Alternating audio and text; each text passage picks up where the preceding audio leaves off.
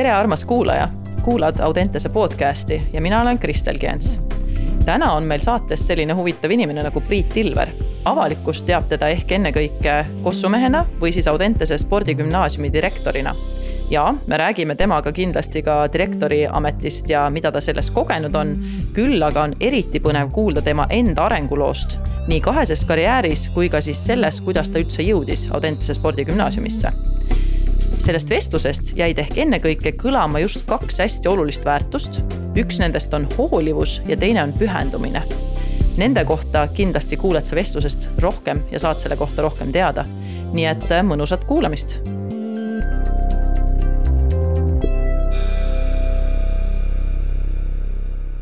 nii, et ähm, täna meil on siis äh, erinevad äh, teemad siin plaanis nii-öelda läbi hekseldada. Ja mõned mõtted või õigemini rohkem kui mõned mõtted mul endal ka, aga eks me näeme, kuhu see vestlus siis meid tegelikult viib.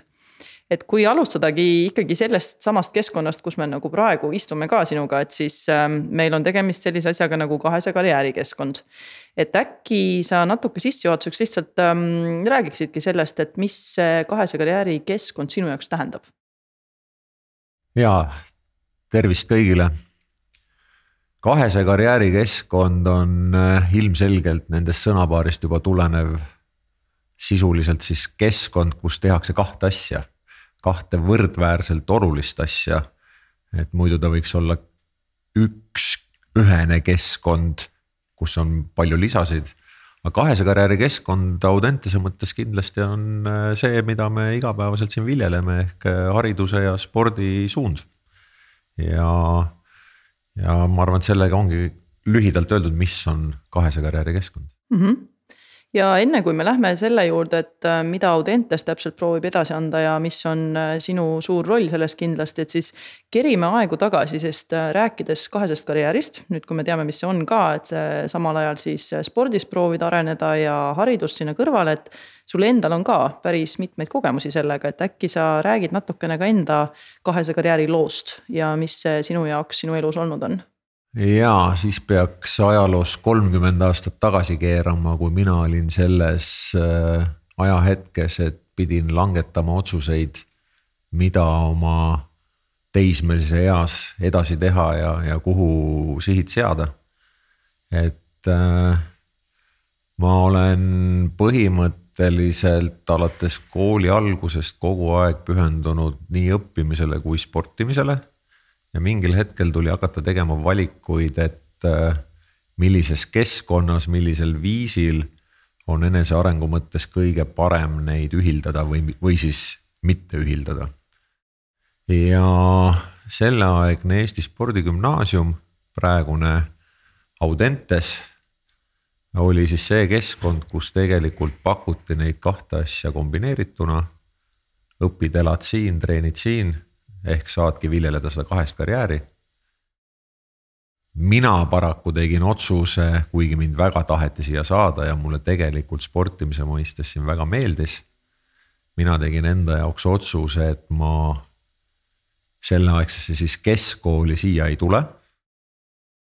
seal oli erinevaid põhjuseid, ma arvan, peamine põhjus oli mitte kodust eemale tulemine, vaid see, kuhu ma tahtsin oma hariduslikus karjääris jõuda ja, ja kuna ma valisin keskkoolis äh, matemaatika, füüsika süvaõppe suuna, siis see oli peamine põhjus, miks ma ei tahtnud tulla tolleaegsesse Eesti spordigümnaasiumisse, sest siin seda suunda ei olnud.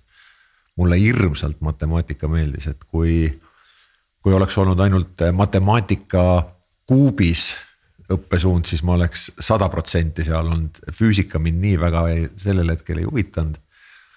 aga kümnes klass läks mul täielikult veel Viljandis.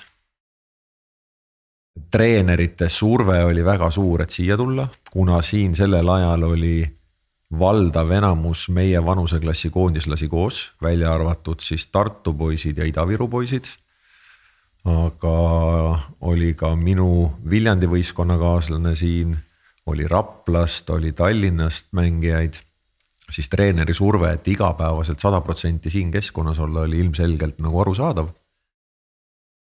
ja üheteistkümnendas klassis äh, me jõudsime siis sellisele kokkuleppele, et tulenevalt minu nii-öelda hariduse suunavalikust, mida siin ei pakuta, ma siia keskkonda ei tule.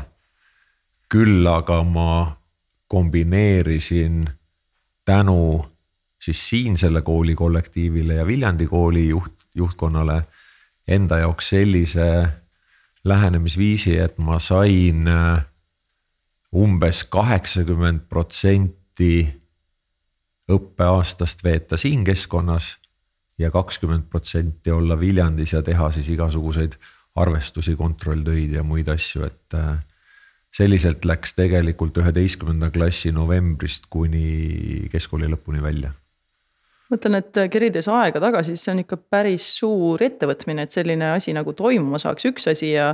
kui ma sind kuulasin, siis äh, mul tekkis nagu äh, kohe see mõte ka, et äh, sa kirjeldasid, et kuidas sa ise nagu nii-öelda olid selles positsioonis, et ma nüüd otsustan ja ma tahan minna seda suunda ja et kas Audentes toetab seda matemaatika suunda ja. ma mõtlengi, et kas sinu ajal oli see nagu tavapärane, et inimene, kes reaalselt lõpetab üheksandat klassi, juba nii selgelt mõtleb oma tulevikusuundade peale, et see tundub lihtsalt natukene mm.. ei kindlasti, kindlasti ma ei olnud mingi üliette arenenud äh, noor inimene, kes teadlikult neid otsuseid teeks, et äh, need sündisid tegelikult ikkagi arutelude põhjal eelkõige oma vanematega. oma kodukoha treeneriga, siinse treeneriga ja sama asi, mida ma praegu viljelen oma vanema poja peal ja loodetavasti ka lähitulevikus seisavad nooremal pojal need valikud ees. ehk nii nagu minul lasti üles kirjeldada, mis on ühe poole plussid ja miinused ja teise poole plussid ja miinused. ja kui sa nüüd üldpildi nagu endale selgeks saad, hästi võimalikult lahti kirjutatuna, siis kummal pool on plusse rohkem ja miinuseid vähem. ja kummal pool on miinuseid rohkem ja plusse vähem ja siis arutelud emaga, isaga, treeneriga viisidki sellise otsuseni. olid asjad, millest ma ei tahtnud loobuda ja olid asjad, mida ma tahtsin kindlasti saada. ja see tundus selles mõttes kõige parem võimalik lahendus, see ei tulnud nipsust. nagu ma ütlesin, et ma tulin siia novembris. see tähendas seda, et terve septembri, juba eelnevalt tegelikult terve suve, septembri ja oktoobri ma pidin nagu jõudma selle lõpliku otsuseni aga mind toetas kindlasti see, et mul oli hästi palju selliseid inimesi, kelle käest ma sain küsida, kellega ma sain arutada. kes äh, andsid nii-öelda oma võimalikult hea panuse selleks, et ma saaksin ise otsuse langetada, mitte et minu eest seda teha. ja, ja ma täna olen seda juba oma vanema poja peal kogenud, nii et ma näen, et äh, see on üks võimalik edu valem või, või lähenemisviis? See tundub hästi selles mõttes äh, tulevikku arvestades ka nagu kasulik, et kui andagi noorele juba võimaluse, et mõelda ise õppida argumenteerima iseenda valikute poolt ja samas ka siis pannes noort mõtlema selle peale, et. mis, mis on veel mõned võib-olla sellised oskused või, või omadused, mida, mida su vanemad siis aitasid äh, sinus arendada või võib-olla siis see keskkond, kus sa olid või see olukord, kus sa olid, et kui tõmmatagi paralleeli selle hetkeolukorraga, et kui noored meil siin näiteks teevad kahest karjääri, et nad tulevad kodust ära, nad peavad äh, ise hakkama saama, et äh, millised on sinu hinnangul sellised kasulikud oskused, et kaheses karjääris äh, hakkama saada ja teha tõesti siis mõlemat, et nii hariduslikku poolt kui siis spordis areneda? no esmalt kindlasti peab olema tahe üldse midagi teha et kui sul tahet ei ole, siis ei ole vahet, kus sa oled. olen siin või olen seal, noh, vaatan, kuidas läheb, eks. et tahe on kindlasti see, mis oskus peab olema. siis sa pead olema ise sisemiselt valmis uuteks väljakutseteks. ehk mitte kuskile minnes ei pruugi asjad olla nii, nagu sa arvad. vaid kui sa sinna kohale jõuad, siis on küsimus selles, kui head on sinu oskused ja omadused adapteeruda sinna keskkonda ja, ja selleks on hästi oluline, et sul ongi need lähedased inimesed, kes võimalike raskuste ja takistuste puhul oskavad sulle nõu anda, mitte ei survesta, ei ütle, mis on õige või mis on vale, vaid oskavad just nõu anda, et sa ise teeksid selle otsuse. jah, okei okay,, need on võimalikud raskused, nendest on võimalik sellisel või teisel viisil jagu saada ja sa oled ise valmis nendega tegelema mm. -hmm et tundub, et ähm, siin on siis mõlemad ressursid olulised, et nii sisemised ressursid, mis sul endal on oskuste ja, ja mõtlemisvõime ja. ja, ja see pool, et siis see tahe, mida sa välja tõid ja samas on ka siis need välised ressursid olulised, et kuidas need ümbritsevad inimesed sind toetavad nende otsuste tegemisel, et see, see läheb üsna hästi kokku äh, spordipsühholoogia teooriaga ka, et kus äh, üleminekuid tegelikult siis äh, järgmisele arenguastmele toetavadki need asjad, et kui sul on sisemised ressursid kaetud ja neid toetatakse ja nende arengut ja samas ka välised ressursid, et ei saa ühte ka, ühte ilma teiseta nii-öelda. tundub, et nii on jah ja kui siit minna sinna sinu karjääris siis edasi, et siis sul tuligi see järgmine üleminekuaste, kus sa läksid siis USA-sse ja, ja nüüd, kui sa tõid välja, et siin selles üleminekus siis keskkoolis aitas sind väga palju see, et sul olid lähedased ja sul olid kõik ümber. aga kui sa sinna läksid, et siis sa läksid ju väga kaugele ja, ja ma tean, et sinu ajal ei olnud see ka tavapärane. et tänapäeval nüüd me kuuleme järjest neid lugusid, kus läheb üks ja teine noor äh, USA-sse ülikooli, aga. kui ma nüüd õigesti olen aru saanud äh, meedia baasil, siis äh, kui sina sinna läksid, olid sa tegelikult üks esimestest, kes läks üldse ookeani taha siis kahest karjääri jätkama. jaa korvpallialaselt minu teada ei olnud keegi Eestist niimoodi läinud, küll oli ka eest-, küll oli eestlasi olnud Ameerikas ülikoolis, aga nad olid pigem juba ise ennem välismaal elanud ja see oli nende loomulik jätk. aga ma ei läinud kohe peale keskkooli. et äh, ma jõudsin peale keskkooli veel olla suisa neli aastat Eestis.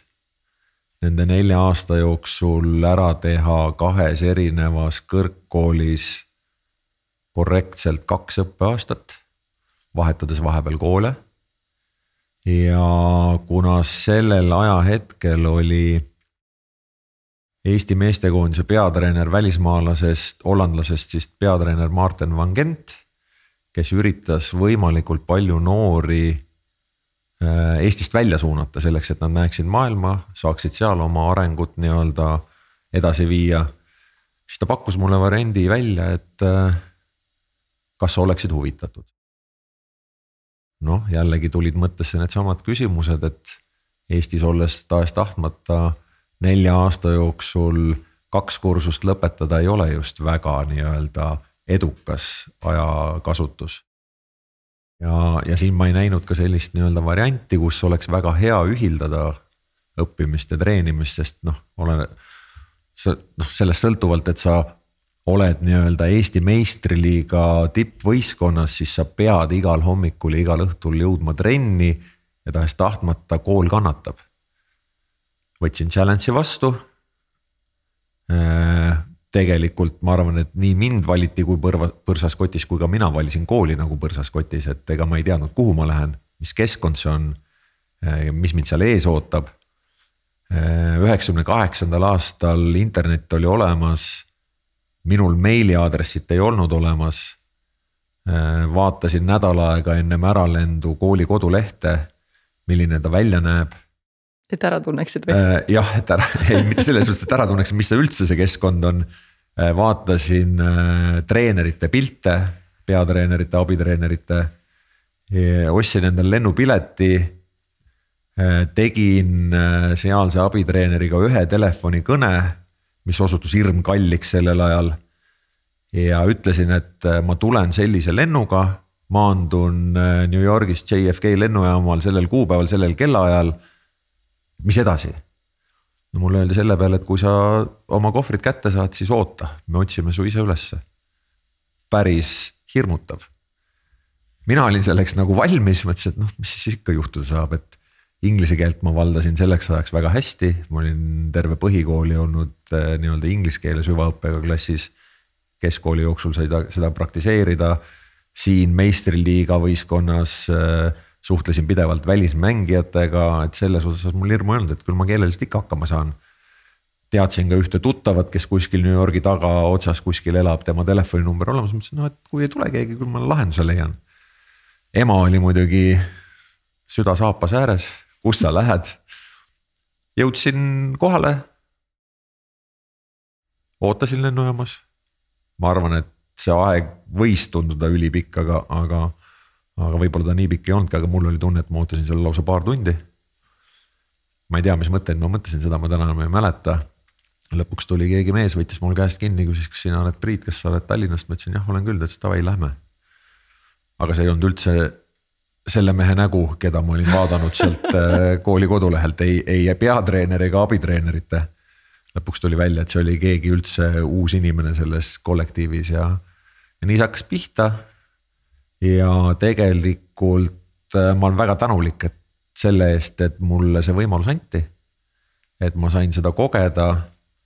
ja see on mulle edaspidiseks nagu päris palju juurde andnud, eelkõige selles mõttes, et äh, mismoodi maailmas asjad toimivad. mismoodi endale selgeks teha, et või, või jõuda arusaamale, et kes sa tegelikult oled. Ja ega tege-, tegelikult ei ole just tavapärane, et sa kahekümne kahe aastaselt lähed äh, ülikooli kolmandale kursusele nagu junior year'le, eks et tavaliselt minnakse kaheksateist, üheksateist aastaselt ja pigem kahekümne kahe, kahekümne kolmeselt lõpetatakse. et äh, ma ennast tundsin teatud oludes nagu vanakesena.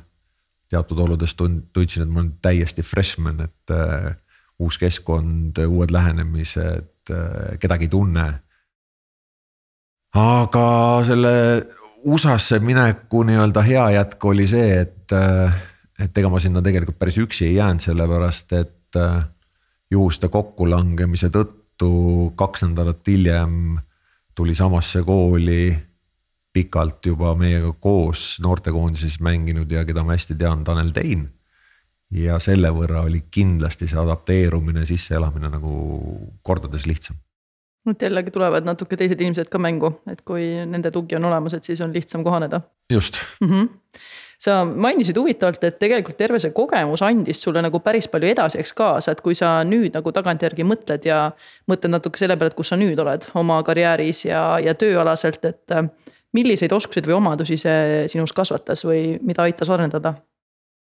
Ma arvan, kõige rohkem ta aitas arendada seda, et äh, sa saad realistlikult aru. mis on su võimed ja mida tuleb teha selleks, et neid võimeid või oskusi arendada edasi. ma sain, ma arvan, kuu ajaga aru, et äh, mingit megamängumeest korvpalli mõistes must enam ei tule. sest äh, see töö, mida oli varem tehtud või kui palju oli panustatud, ei olnud piisav, et seal nii-öelda läbi lüüa. aga teistpidi ma sain aru, et suure tõenäosusega Eestis meistriliiga tasemel ja koondises mängides ei oleks ma iialgi nii heade tulemustega ülikooli lõpetanud, nii palju uusi teadmisi ja oskusi saanud. ja rääkimata sellest tegelikult, millise rahvusvahelise võrgustiku ma selle kahe aastaga suutsin luua, nüüd kolmkümmend aastat hiljem vaadates või kakskümmend viis aastat hiljem vaadates, et äh, kooliajast on nii mõnedki inimesed eri valdkondades, kes seal koolis olid, kellega siiamaani suhtled, et, et. Äh, et see on nagu väga huvitav ja, ja väga väärt kogemus. et ikka mingid äh, koos läbi elatud elamused ja kogemused, et need kuidagi lähestavad inimesi ka, et need jäävad ikkagi endale alles. ja mm., ja, ja noh, kui nüüd lihtsalt vahepõikena öelda, siis äh, minu oma poeg võttis selle sammu ette, et minna Ameerikasse, pühenduda kahesele karjäärile ja otsust, tegi selle otsuse kümnenda klassi lõpus. ehk tegelikult põhimõtteliselt samal hetkel, kui mina olin Viljandi ja Tallinna vahel, oli tema Eesti ja Ameerika vahel. rakendasime täpselt sama lähenemisviise, plussid-miinused, äh, kõikvõimalik taustainfo, täna on seda väga lihtne hankida igalt poolt ja, ja nüüd äh, Markuse nii-öelda üks parimatest sõpradest äh, juhuse tahtel sattus täpselt samasse kooli, mille mina aastal kaks tuhat lõpetasin. ja oh imet, treenerite staff'ist äh, oli toimunud lihtsalt väike vahetus, et peatreenerist oli saanud võistkonna mentor ja abitreenerist oli saanud peatreener. ja koheselt oli telefonikõne siis praeguselt peatreenerilt mulle, et tere, Priit mäletad? ma ütlesin muidugi mäletan. meil selline vend, selline Eesti kutt, mis sa tead tast, ma ütlesin, ma tean tast põhimõtteliselt kõike, ma tean, kes ta ema on, kes ta isa on, kes ta vennad on, mis ta teinud on viimased kolm aastat. et hästi kihvt on nii, kui ajaring tuleb mingisesse punkti justkui täpselt tagasi. ja sa tegelikult tead, milline see ajaring võiks nüüd sellest edasi minna, sest see on justkui uuesti pöörlema pandud ratas. ja see on väga huvitav ja siis räägitakse, et maailm on väike, eks, et kuidas need seosed tegelikult tulevad uuesti välja mm. -hmm. võiks, võiks rääkida siin veel pikalt sellest, kui Markus kooli valis, kui mitmete erinevate ülikoolide abitreenerid helistasid mulle ja teadsid täpselt, kellega nad räägivad, sest nad olid Eestis erinevates võistkondades minu vastu mänginud ja mina nende vastu mänginud, et äh, John Linehan, Todd Adebernetti Tartust, äh, erinevad vennad, kes on mängijad olnud, kes nüüd on, teevad treeneritööd ja, ja nad teavad, mis on Eesti, kes sa oled. mis su nii-öelda taust on, et väga äge networking et siis tundub, et tegelikult selles spordis on ikka nii palju rohkem sees. et see ei ole üldse ainult see, et me tuleme koos võistleme ja lähme laiali, vaid tegelikult see tekitab ikka päris tugevaid sidemeid pikaks ajaks mitte ja seda enam saab ju oluliseks siis see, et äh, millisena ma seal spordimaailmas olen ja kuidas ma ise käitun, kui ma seal olen ja mida ma teen. et äh, nagu näha, et sinu puhul tundub, et sa oled midagi hästi teinud, et äh, et sa oled meelde jäänud inimestele ja hea nurga alt, et ma ei kuule vähemalt, et keegi oleks sulle helistanud ja et oh kuule, ära siia küll kedagi saada, et kui see samasugune nagu sina on. et selles mõttes jaa, see on olulised asjad. kui sa inimesena oled normaalne inimene siis sul on väga-väga palju häid partnereid ja sõpru, kellega asju ajada, ükskõik mis valdkonnas. Ja kuigi ma jõudsin väga kiirelt järelduseni, et minust mingit korvpalli mõistes tipptegijat ei tule. siis vähetähtis ei ole ka see, et, et kui sa ikkagi nagu kooli autahvlile saad oma õppeedukuse ja inimeseks olemisega ja sinna panustamisega. siis minu jaoks on see täpselt samaväärne, kui oleks võistkonnaga võitnud NCAA meistritiitli näiteks et ikkagi tulevad mängu need inimese väärtused ennekõike. kindlasti mm. -hmm. ja kui nüüd kerime siis sellest ajast hüppame edasi ja sellest suurest laiast maailmast tulid sa siis tagasi Tallinnasse. ja, ja siis äkki sai sinust Audentse spordigümnaasiumi direktor, et kust selline siis äh, hüpe või pööre? et tegelikult kõik uksed olid ju valla ja et kui ma Ameerikast aastal kaks tuhat tagasi tulin, siis tegelikult Audentesesse jõud, jõudmiseni võttis see veel kaksteist aastat aega et praegu ma olen oma Audentese töökarjääri kümnendal aastal. Ma jätkasin tegelikult Eesti mõistes ikkagi nii-öelda tippsportlasena. Ehm, ma mängisin meistriliiga võistkonnas, olin koondise kandidaatide ringis. ja kahe tuhande neljandal aastal ma tundsin, et oleks vaja hakata mõtlema taas nii-öelda kahese karjääri peale, et ainult spordiga noh, elu lõpuni välja ei vea. Hakkasin vaatama tööturul ringi, mõtlesin läbi, mis mind huvitab. seda nii-öelda kokkulangemise tõttu sattusin tööle Tallinna linnavalitsuse eh, noorsoo ja spordi ja noorsooameti spetsialistiks. töö oli huvitav väga kiiresti tegin seal karjääriredelil samme ülespoole. Kaks aastat hiljem olin spordiosakonna juhataja, kolm aastat hiljem olin juhataja asetäitja ja nii edasi, nii edasi. ja jõudsin seda tööd seal teha Tallinna spordi osas, mis puudutab noortesporti, rahvusvahelist sporti, spordibaase, tervise liikumist. jõudsin seda, jõudsin seda teha seitse aastat ja siis jälle täiesti juhuslikult äh, jällegi laia tutvusringkonna kaudu sattusin ühele sünnipäevale, kus äh, viibis ka tolleaegne Audentese direktor Marek Kaleta. lisaks oli seal veel igasuguseid spordijuhte ja selle sünnipäeva jutuajamiste ja vestluste käigus selgus, et Audentes otsib endale uut koolijuhti. Nad olid juba välja kuulutanud konkursi, mis vist esimese vooruna oli juba läbi. aga ma andsin nagu mõista, et ma tahaks ka uusi väljakutseid ette võtta ja, ja tegelikult seitse aastat linnas oli enam-vähem ennast ammendanud. ja oh sa imet, ei läinud vist nädalatki, kui, kui hakkasid asjad ja rattad liikuma vastu suve ja, ja kesksuvel juba kohtusin äh, Audentese nõukoguga. ja augusti algusest äh, asusin tööle. jällegi ühest koosviibimisest, ühest sõnakõlksust alguse saanud temaatika, mis lõppes sellega, et ma olen siin kümnendat aastat ja see oleks olnudki mu järgmine küsimus, et kui sa eelmisest kohast nii-öelda mõtlesidki, et noh, et seitse aastat juba täis ja. ja nagu oleks aeg edasi liikuda, et nüüd sa oled siin olnud juba kümme ja ikkagi on, tundub, et sul veel plaane hetkel veel lahkuda ei ole, et. et mis, mis teeb selle mm, töö siin sinu jaoks selliseks, mis hoiab kuidagi? ega päris ausalt öeldes äh, Tallinna linnast äratulemine töö mõistes see otsus oli lihtne, et tahaks midagi uut ja huvitavat teha. aga jube raske oli inimestest lahti öelda, sest mulle väga lähevad korda kolleegid, need inimesed, kes selles ringkonnas nagu toimetavad. ja see ei olnud minu jaoks üldse kerge sealt see nii-öelda lahkumine. aga siin, mis mind kinni hoiab, on see, et et see, mida ma ise olen elu jooksul läbi elanud, kogenud, õppinud, vigadest õppinud, et ma arvan, et ma oskan olla nii kolleegidele kui ka nendele noortele toeks, mida tähendab kahene karjäär. mida tähendab selles enda maksimaalse tulemuse saavutamine, mida tähendab enesearendamine ja kõik need asjad ja ma ütlen, et et vahest, kui, kui see nii-öelda kümnes aasta kuskil jutuks tuleb, siis ma ise seda ei tunne. et mul on tunne, et ma olen siin keskkonnas küll olnud. mõni ütleb tõesti kümnes, kolmas või viies ei ole või? ja mul endal on tegelikult sama tunne. järelikult see tähendab seda, et iga päev on uus ja huvitav, iga päev on arendav.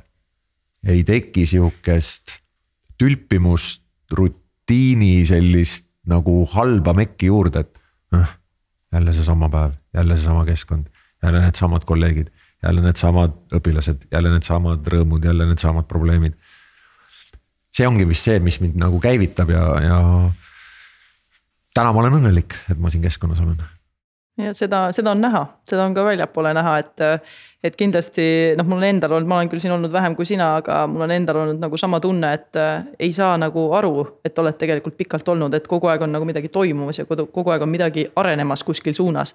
iseasi, kas see areng alati välja tuleb nagu tahaks, aga noh, see on ka asjade normaalne käik, et kõik ei õnnestu alati nii, kui tahaks et ähm, sa korraks mainisid ka sellist asja, et noh, et vigadest õppimist on ka tegelikult elus ette tulnud, et äh, tahad sa äkki midagi jagada sellest äh, sellest vallast, et mis on olnud võib-olla siuksed olulisemad õppetunnid sinu jaoks, et mis on edasiseks kindlasti midagi kasulikku õpetanud? eks neid õppetunde on igasuguseid olnud, kus sa tagantjärgi saad aru, et sellel ajahetkel ei oleks pidanud võib-olla seda ütlema või selliselt käituma või seda tegemata jätmata, aga. aga ma võib-olla toon hoopis sellise kaudse näite ühe noore pealt. ma olin siin, vist oli esimese aasta lõpp ja teatud noortel oli veidi probleeme enesedistsipliiniga. ehk nad olid tulnud kahese karjääri keskkonda, kus oli oluline õppimine ja sportimine, aga nemad mingi pärast tegid enda valiku, et õppimine pole oluline.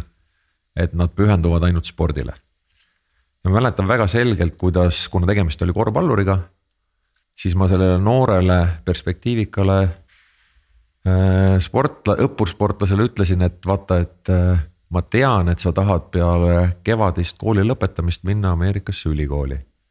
aga seal ei ole valikut, et sa valid ainult sportimise ja sa õppimise eest ei pea hoolt kandma. seal ei ole valikut, et sa hommikul loengusse ei lähe puhkad pikemalt, et olla trennis nii-öelda sada protsenti valmis. seal ei ole valikut, et sa saad äh, nii-öelda negatiivse hindega teise või kolmanda võimaluse ja kuidagi selle nii-öelda kursuse või kooliaasta läbi, seal ei ole seda valikut. kui sa neid asju hästi ei tee, siis sinu stipendiumileping lõpetatakse. vaevalt, et sul endal nii palju finantsi on, et seda ise maksta järelikult sa pead tagasi tulema või tegema mingi muu valiku ta kuulas mind nagu üsna sellise noh, et noh, mis sa ikka mulle moraali loed. aga mul oli siiralt hea meel, kui ta suutis siinse kooli lõpetada.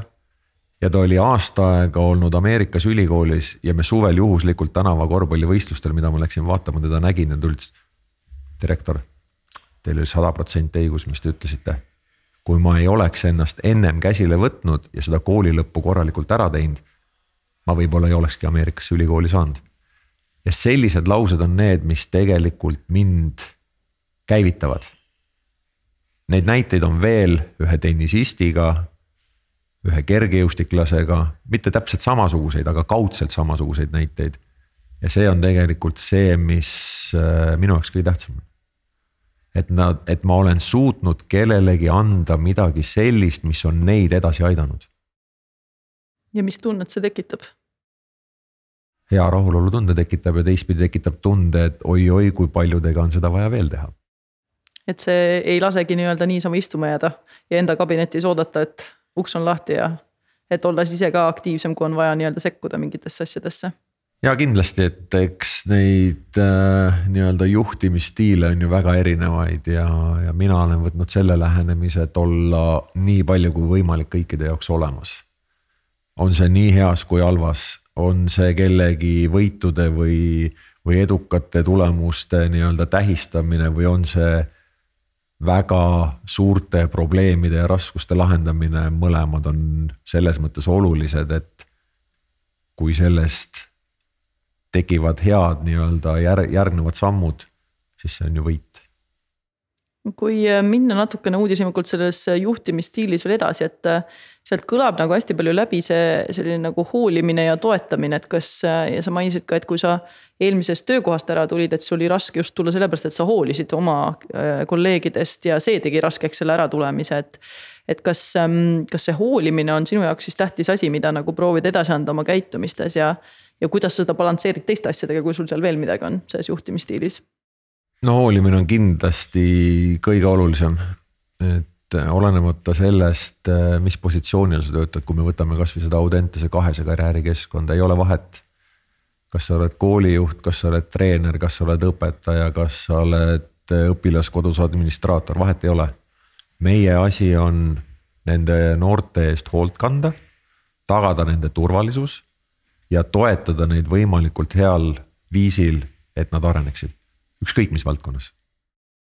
ja, ja ma arvan, et meil selles mõttes on Audenteses nagu väga-väga hea kollektiiv. et me märgates raskeid juhtumeid või murekohti, ei jäta seda muret sinna settima, vaid me alati üritame anda nii-öelda omapoolse toe või lähenemise, et kuidas võiks sellest nii-öelda murest ühiselt jagu saada, et. et ma olen siin mõned aastad või juba paljud aastad tagasi ka öelnud äh, meie õpetajate, treenerite ees, et äh, üks asi, millest minu meelest kõik Audentese töötajad peaksid aru saama, et mitte meie, mitte õpilased ei ole siin meie pärast, vaid meie oleme siin õpilaste pärast.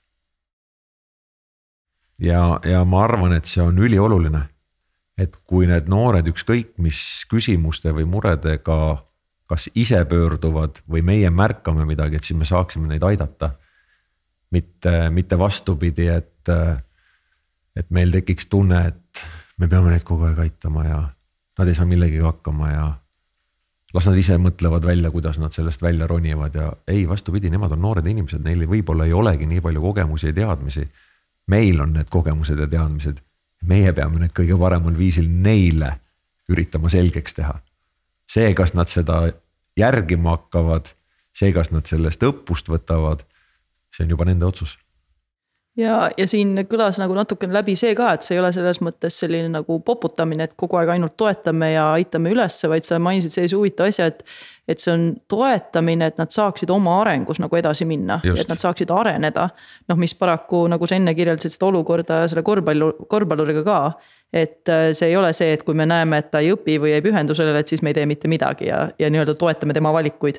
et ikkagi vahepeal siis tundub, et on vaja ka olla see konkreetne pool, et kus siis tuua kedagi tagasi reaalsusesse, et mis see olukord on? absoluutselt, teatud juhtumite puhul kahjuks ei olegi võimalik teda enam rohkem toetada, kui, kui on olnud mingisugused case'id, kus, kus ta lihtsalt ei sobitu siia keskkonda, et ka need variandid on. Need ei ole muidugi rõõmustavad asjad, aga neid ikkagi tuleb ette, sest meil on väga suur nii-öelda äh, spekter neid erineva nii-öelda tausta ja, ja suhtumiste ja tahtmistega noori aga eelkõige jah, ikkagi nii-öelda rääkida asjadest, mis on olulised, rääkida sellest, kelle poole pöörduda, kuidas abi leida, kuidas ennast arendada, kuidas panustada, et äh, ma arvan, see on meie, see ongi tegelikult ju õpetamine. õpetamine kõige otsesemas tähenduses, kuidas asju teha. kuidas teha õigesti, kuidas teha paremini, kuidas teha edukamalt, vahet ei ole on see haridusvaldkonnas, on see spordivaldkonnas, on see inimeseks olemises, on see õpilaskodus ise hakkama saamises, ikka annad mingeid soovitusi, kuidas võiks. küsimus on, mis nad vastu võtavad, mis nad sellest aru saavad, kuidas nad enda jaoks selle lahti mõtestavad ja kuidas nad vastavalt sellele siis toimetama asuvad. seda ju alati kontrollida ei saa. ei, absoluutselt ei saa. aga kes sinu kõige suuremad õpetajad on olnud, et ma kujutan ette, et neid on võib-olla omajagu olnud, aga, aga kes tuleb pähe, kes oleks sihuke meeldejääv õpetaja? Neid on kindlasti palju olnud, et äh, kahest karjääri tehes äh, tahes-tahtmata sa vaatad nagu mõlemas suunas, et kes on olnud need nii-öelda kooliõpetajad või, või kõrgkooli õppejõud. ja teistpidi vaatad, kes on need treenerid. et äh, ma nimepidi kedagi välja eraldi tuua ei tahaks, aga aga kindlasti on väga suure jälje jätnud äh, Viljandist minu esimene treener. kindlasti on väga suure jälje jätnud äh, minu Viljandi tolleaegne koolijuht. ja no kindlasti, kes, kes kõige rohkem on nii-öelda mind toetanud, suunanud, äh, tagant push inud, on minu vanemad. okei okay., mis suunas kõige rohkem? vanemad, vanemate puhul jah, ja ma kujutan ette, et seal on kindlasti jälle palju, aga kui sa valiksid näiteks paar tükki, et mis on siuksed eriti kasulikud äh, suunad olnud, mida nad on sinus avanud või mida nad on sulle näidanud oma, oma õpetuste või oma käitumiste kaudu? no üks on kindlasti see, et, et äh, austus ja viisakus, ükskõik kelle vastu et ma mõtlen praegu selle peale, kui näiteks koolis on mingi väga keeruline situatsioon, et keegi on mingi jamaga hakkama saanud. ma kunagi ei mõista neid kohe hukka. ma tahan nendega vestelda, küsida, mis selleni viis, mis täpselt juhtus. ja olgem ausad, on olnud olukordi, kus ma olen öelnud sellele noorele väiksemate eksimuste puhul, kui sa kõik ausalt ära räägid, ma garanteerin, et sinuga ei juhtu midagi halba aga kui sa mulle valetama hakkad, siis see lõpeb ainult ühtemoodi. ja ma arvan, selline,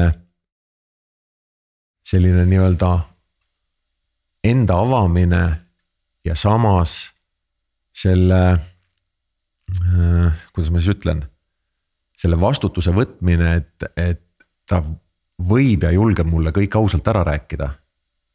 ehk sa lood sellise suhte, kus, kus tal on see julgus ja sellest tulenevalt siis see nii-öelda lahend on alati olnud pigem positiivsed kui negatiivsed. nii minu jaoks kui vastaspoole jaoks. et, et ma jah, tule, tulles tagasi nende nii-öelda peamiste asjade juurde on, üks on ausus, üks on avatus. suhtlemisoskus. siin ma muidugi pean sulgudesse kohe lisama, et, et enda puhul ma tean milline ma olen platsil ja milline ma olen platsiväliselt. kaks täiesti erinevat inimest. kui ma mõtlen selle peale, milline ma olen platsil kohtunike suunas näiteks, siis ma ütleks, et ma olen päris jube inimene. kui ma mõtlen, et kõik see, milline ma olen väljaspool väljakut, siis ma ütlen, et ma oleks nagu päris hea inimene ja kui sa saad sellele kinnitust, kui mõni kohtunik ütleb, et tead, sa oled väga normaalne inimene aga väljaspool väljakut. siis mul on alati vastulauseks, et aga see väljak ongi see koht, kus ma elan ennast välja hoopis teistel alustel. ja see pakub siiamaani selles mõttes nagu head naudingut. mitte see, et sa saad ennast kellegi peal välja elada, vaid see, et sul on koht, kus sa saad olla keegi teine, vähemalt korraks. minu jaoks on see nagu ülimalt oluline. ja, ja see, et just kui see mäng ära lõpeb siis minut hiljem sa oled nendega täpselt normaalsetes suhetes. aga see see jah, on minu puhul selline valikute küsimus, millisena kuskil ennast näidata ja, ja seal, seal platsi peal ma olen vähe teine inimene. siin sa tõid jälle hästi huvitava ja olulise aspekti välja, et kui ma nüüd õigesti aru sain, et sa valid, et sa seal nii käitud. ma ei tea, kas ma otseselt valin või see on lihtsalt kuidagi, kuidagi tuleb lihtsalt selliselt välja. ma ei tea, kas seda saab nimetada lõputuks võitluseks, mitte allaandmiseks, ma ei taha öelda iga hinna eest võitmiseks. sest ma oskan väga hästi ka kaotada. aga see, et see on koht, kus ma saan ennast välja elada. kus ma, kus ma saan panna võib-olla oma selle energia või tunded, mis on kogunenud, kus ma saan selle lihtsalt välja.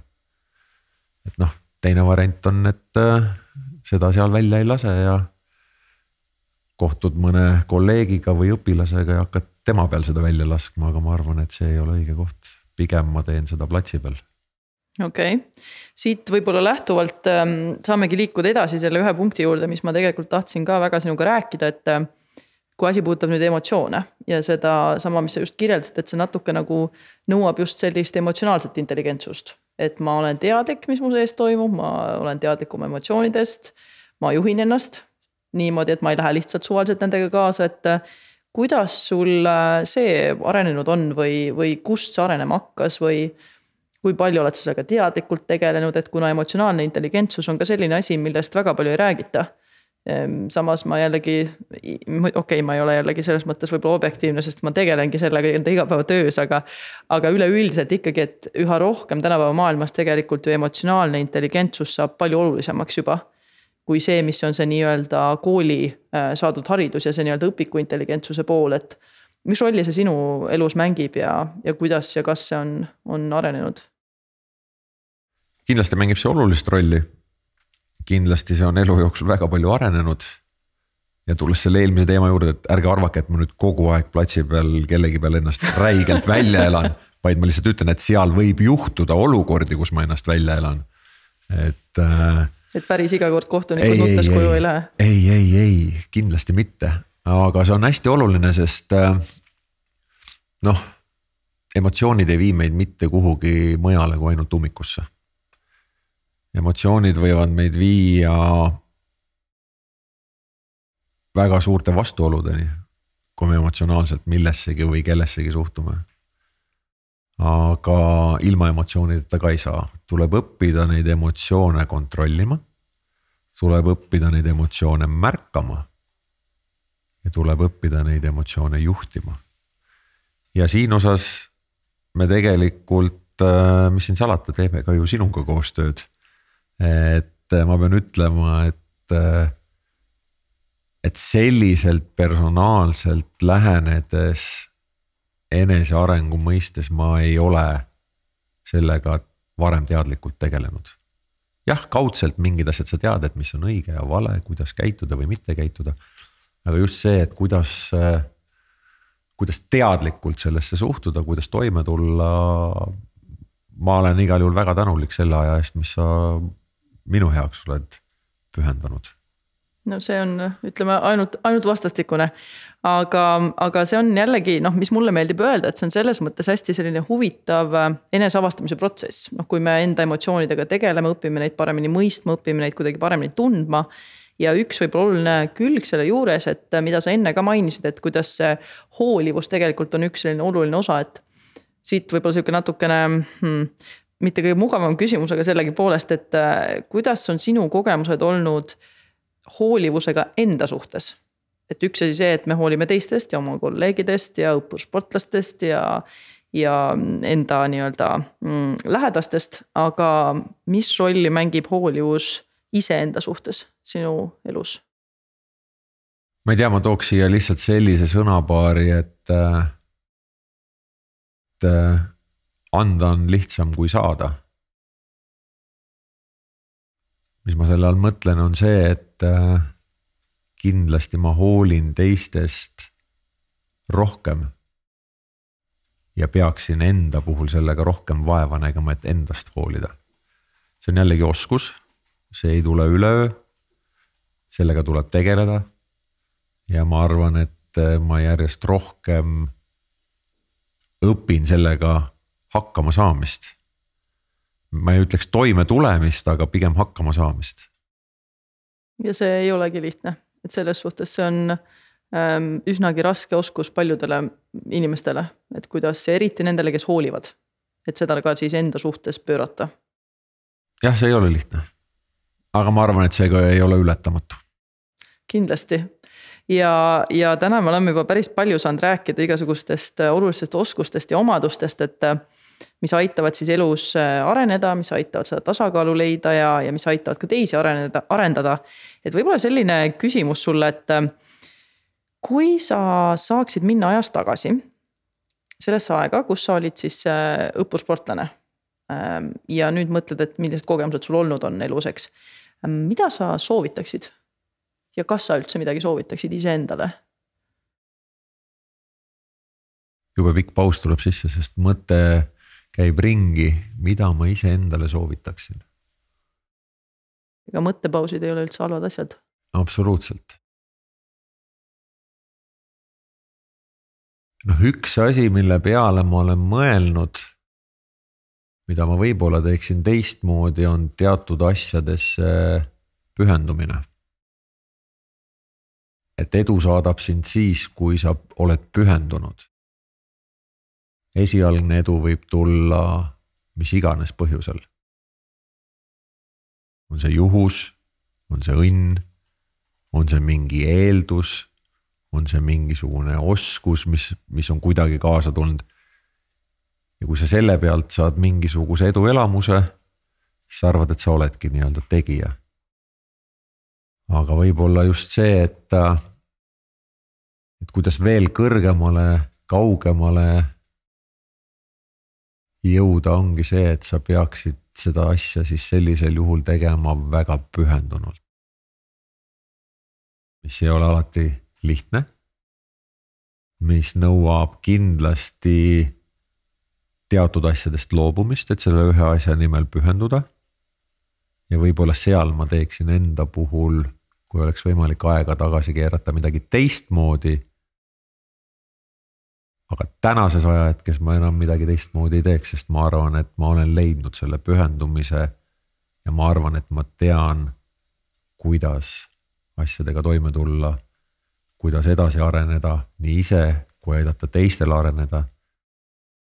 ja no regrets ja seega sellel, sinna ei olegi mõtet oma energiat panna, et kahetsustega aega veeta ähm,. veel viimane asi ka, et kui sul oleks selline maagiline võime, noh, meil käib praegu igasugune vaktsineerimine, eks ole.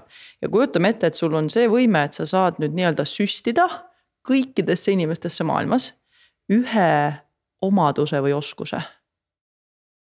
nii et nad saavad selle täielikult ilma midagi selleks tegemata, mis asi see oleks? ja ainult ühe saad valida sõnana ma arvan, ma ütleks hoolivuse. ja laiem seda lahti seletades hoolivus teiste suunal. hoolivus iseenda suunal, kuhu võiks tõmmata ju ka siis äh, äh, võrdusmärgi, et hoolivus, äh, võrdusmärk nii-öelda mõttes kaduma, hoolivus võrdusmärk pühendumus ehk ma hoolin sellest tegevusest, ma olen selle jaoks pühendunud. Ma arvan, ma valiks selle sõna. ma arvan, et see on üks väga hea ja oluline mõte, millega, millega võimegi täna lõpetada, et kui, kui midagi on sellist, mis sa ise tunned veel, et sa tahaksid kindlasti lisada, et mida ma ise ei osanud võib-olla küsida veel. et on sul midagi veel mõttes, mida tahaks jagada meie kuulajatega ma ei tea, kas seda jagada, aga, aga ma tahan öelda, et, et see keskkond, kus mul on au ja võimalus olnud olla kümme aastat. see keskkond on mulle enesearengu mõistes väga palju andnud. ma väga loodan, et see, mida me teeme siin koos kolleegidega, nii õpetajate kui treeneritega nüüd tänaste noorte suunal saab kunagi ka nende poolt kinnitust, et see keskkond andis neile midagi, nende enesearengusse. et minu meelest see on nagu kõige parem selline tagasiside. kui need, kellega me igapäevaselt tegeleme, saavad sellest nii-öelda kõige parema ja kasulikuma enda jaoks kaasa. ilma igasuguste tulemuste ja mõõdikuteta. absoluutselt mm. -hmm jaa, aga igal juhul äh, suured tänud sulle, et sa võtsid aega ja, ja olid avatud jagama oma mõtteid nii iseenda kui selle meie keskkonna kui ka töö suunal. et kindlasti meie kuulajatel on olnud väga põnev kaasa kuulata, kaasa mõelda ja ma usun, et sellest vestlusest mõtlevad edasi oma peas äh, nii õppussportlased, noored, äh, vanemad, lapsevanemad, treenerid ja õpetajad, et siin oli kindlasti midagi kõigile ja igal juhul, armsad kuulajad, te saate meid, meie tegemistega hoida ennast kursis ka meie kodulehte jälgides, et keda huvitab, mida siin Audentases veel tehakse, siis saate sealt vaadata audentes.ee. ja nagu endiselt ootame kindlasti ka teie tagasisidet Äh, mõtteid selle kohta, mida võiks paremini teha, mis teemasid käsitleda, nii et äh, kirjutage meile ja igal juhul äh, uute selliste tähenduslike ja huvitavate vestlusteni. mina olen igal juhul tänulik ja muidugi ka aitäh sulle, Priit Ilver, Audentse spordigümnaasiumi direktor. aitäh